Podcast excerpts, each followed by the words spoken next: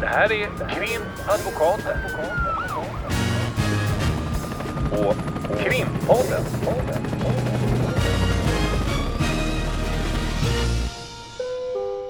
Parter och ombud kallas till sal 32. Hej Lotta! Hej Ulrika! Eh, ja, nu är det eh, återigen någonting kring advokater i media. Ja, det är frustrerande om jag får säga så. Nu eh, igår såg vi en artikel i Och Expressen. igår var det eh, faktiskt, det här kommer ju sändas på lördag, Ja, så att det, och i- betyder i början på veckan. I början på veckan så var det en artikel med en eh, kollega till oss, en advokat, som eh, man lyfte fram med bild och namn I Aftonbladet, i Ex- Expressen först. i Expressen, sorry. Sen har Aftonbladet tagit eh, stafettpinnen Yes. idag. Eh, men det handlar om, om vi ska börja med det, det handlar om en eh, advokat som har blivit kontaktad av en eh, tidigare klient. En, han säger en pågående men inte just i själva brottmålet utan en sådär som vi kan ha, en klient som man har haft i brottmål, kanske någonting annat och som man hjälper med lite generellt. Alltså det, det är ju ganska mycket så att vi gör väldigt mycket mer än just i själva ärendet.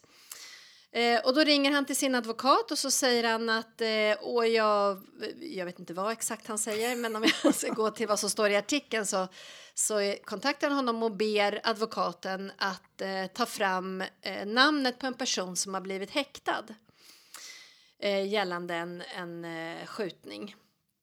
Och eh, då så svarar advokaten allting sker via sms. Och det här har man då tagit fram sms-korrespondensen mellan dyker upp. advokaten och hans klient. Ja, det dyker upp i en eh, polisutredning där, där det här då blir en... en det, det var väl inte huvud... eh, Fokuset var inte på konversationen mellan advokaten och klienten utan det dök upp när man tömmer mobilen och då ser man den här konversationen.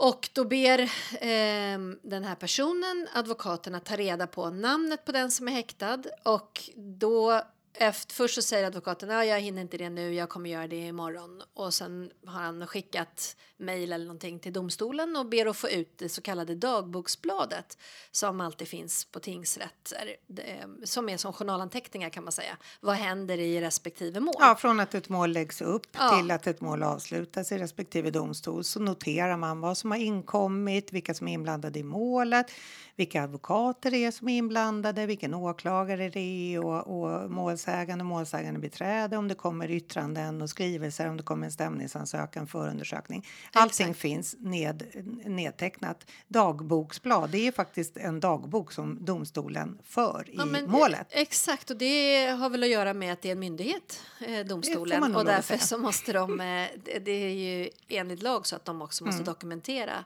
de åtgärder som sker Mm. i respektive ärende. Um, och det här är, jag kan säga från min egen del, jag tycker inte att det är något konstigt att ta ut ett dagboksblad. Ibland undrar man om det har hänt någonting i ett mål där man kanske, när man inte har hört någonting på väldigt länge. Då undrar man kanske, har det kommit nya misstank, misstänkta eller eh, händer det någonting annat i målet? Jag bad eh, vår assistent eh, alldeles för tio minuter sedan att ta ut ett dagboksblad därför att ett mål som jag har i hovrätten nu eh, som jag har överklagat för min klients räkning så har jag fått åklagarens yttrande eh, gällande en annan person som har överklagat, inte min egen klient. Så då har jag bett att hon tar in dagboksbladet så att jag kan leta reda på vilken aktbilaga i dagboksbladet som jag är intresserad av att få eftersom jag har fått fel. Så Exakt. att det är ju någonting som vi rör oss kring. Det är ingenting Det är i sig med inget konstigt att man, man tar ut ett dagboksblad eller att man ibland också får frågor från klienten. Olika typer av frågor som gör att vi tar ut ett dagboksblad. Och det, det här har då hänt.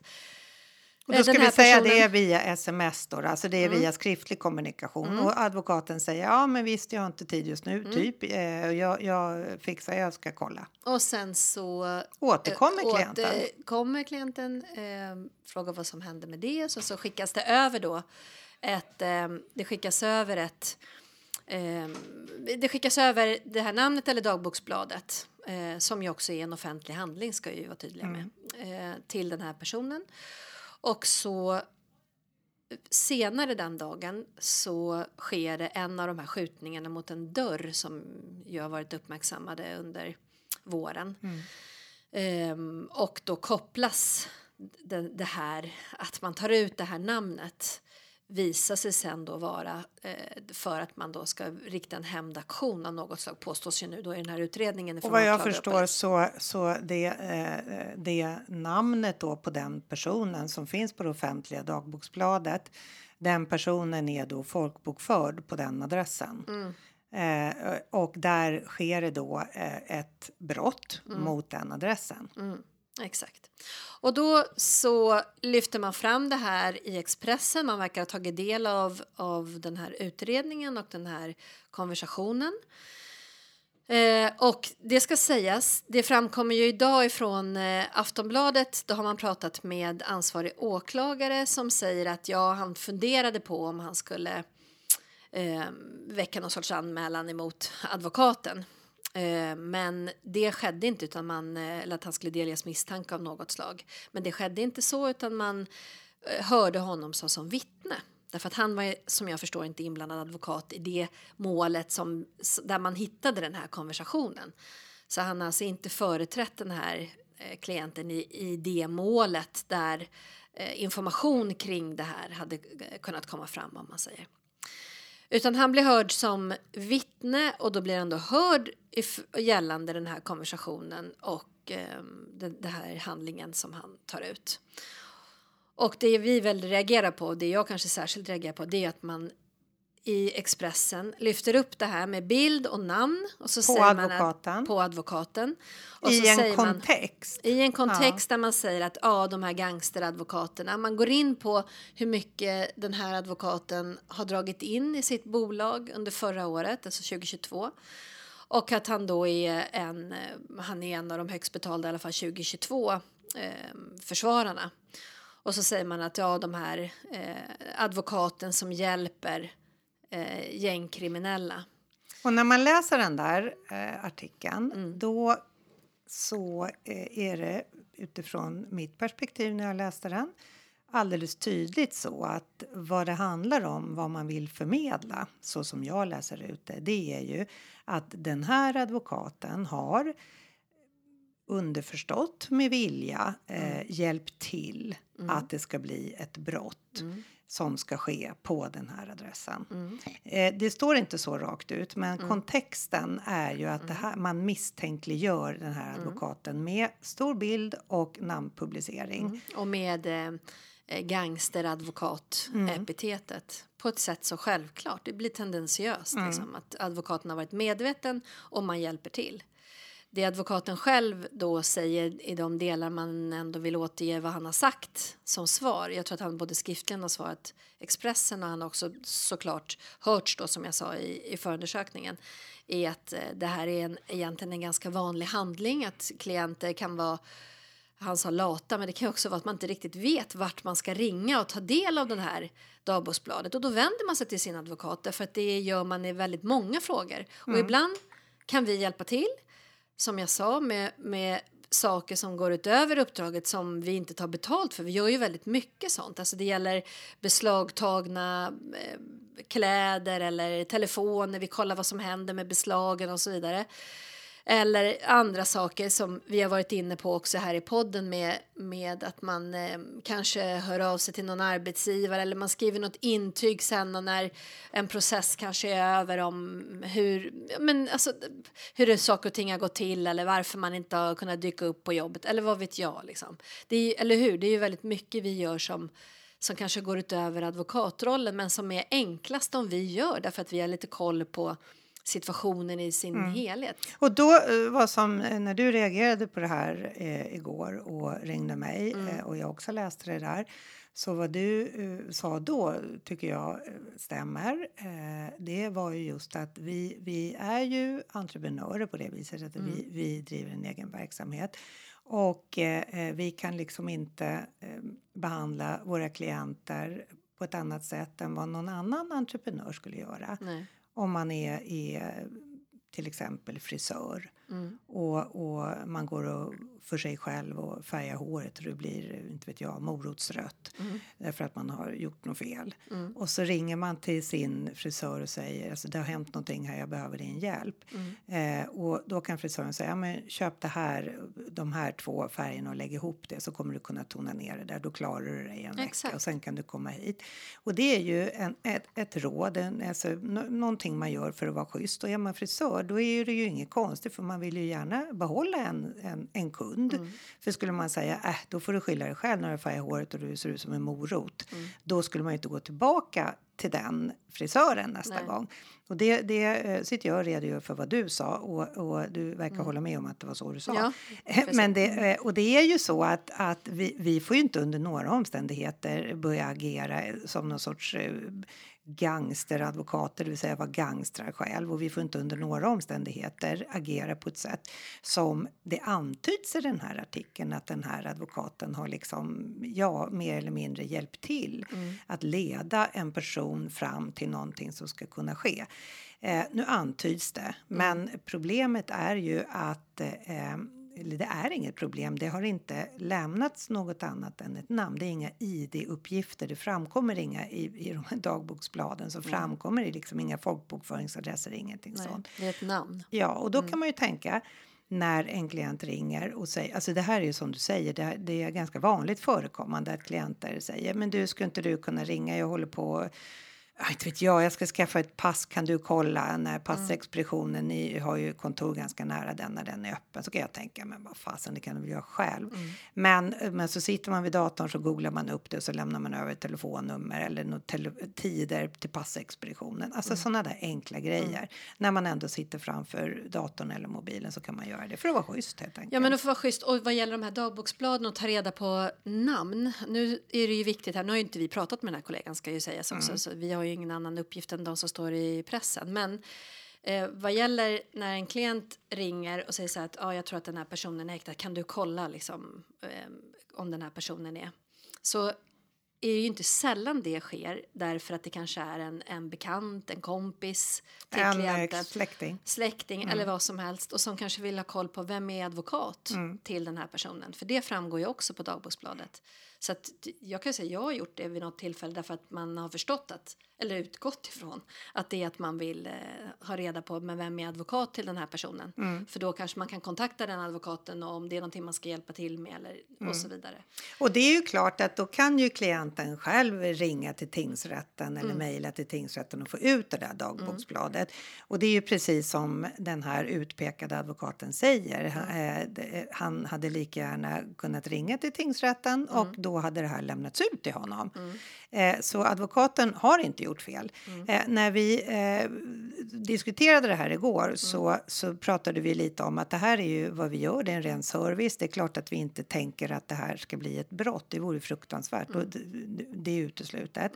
Men eh, då kan man ju tänka, fin, finns det någon gång där man kanske inte skulle göra på det här sättet? Ja, och det har ju att göra med det här att vi inte får främja orätt. Och det är inte bara, alltså i sådana här sammanhang så är det ju också att det är såklart att, att man som advokat också har någon sorts moralisk kompass. Det utgår jag ifrån de flesta vi känner i, i den här branschen har ju någon sorts moralisk kompass och som vi har varit inne på ett otal gånger i den här podden så är det ju väldigt engagerade människor som vill väl i samhället och som är som utövar det här yrket därför att man någonstans tror på den enskildas rätt och så vidare.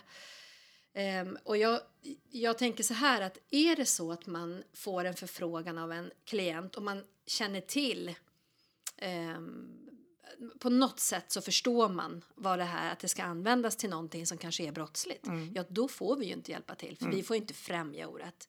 Utan då kanske man säger det här får, kom igen liksom, där får du ringa till domstolen själv och, och fixa. Och det, det eh, när vi då eh, talades vid igår så, så, så, då, då, så gav jag några exempel på klienter som vi har haft eh, gemensamt och, och även eh, ja, klienter. Och då sa jag, men om, om han eller hon skulle ringa då, då skulle i alla fall jag säga, nej men alltså det där får du göra själv, kom igen. Mm. Eh, då, då det kanske också lite beror på hur länge man har varit advokat. Eh, som, då är det lite enklare att säga men kom igen, det där får du göra själv. Eh, eller eh, att man vill se om sina klienter då. då. Men, men vissa kanske man inte skulle göra det automatiskt. Precis som du säger får man säga. Eh, det är bara att ringa till domstolen och be och få det här dagboksbladet så fixar du det själv. Exakt. Och, och det är klart att får man en minsta vibb om att det skulle vara frågan om någonting som är, är det här är inte bra. Det, det kan man ju sätta ihop med vilken klient det är, vad den rör sig i för miljö eller överhuvudtaget sånt.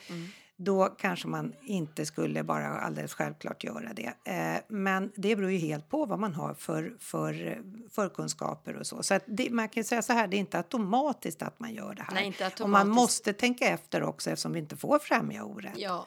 Men att Men- det har blivit en sån här jättegrej med namn och bild på den här advokaten Mm. där man antyder att han mer eller mindre hjälper till eh, att leda de här personerna fram. Det är ohyggligt olyckligt att det har blivit så här men det är ju ingenting brottsligt i det. Nej. Men och är det inte märkligt att man lägger ut bild och namn Ja. Mm. ifrån Expressens sida? Det är ändå Expressen liksom. Alltså, någonstans. Men det är ju det, det är ju. Expressen. Ja, men jag kan ju tycka att det är, det är speciellt att man lyfter fram, han är ju ett vittne i, Mm. en, i en pågående utredning vad jag förstår.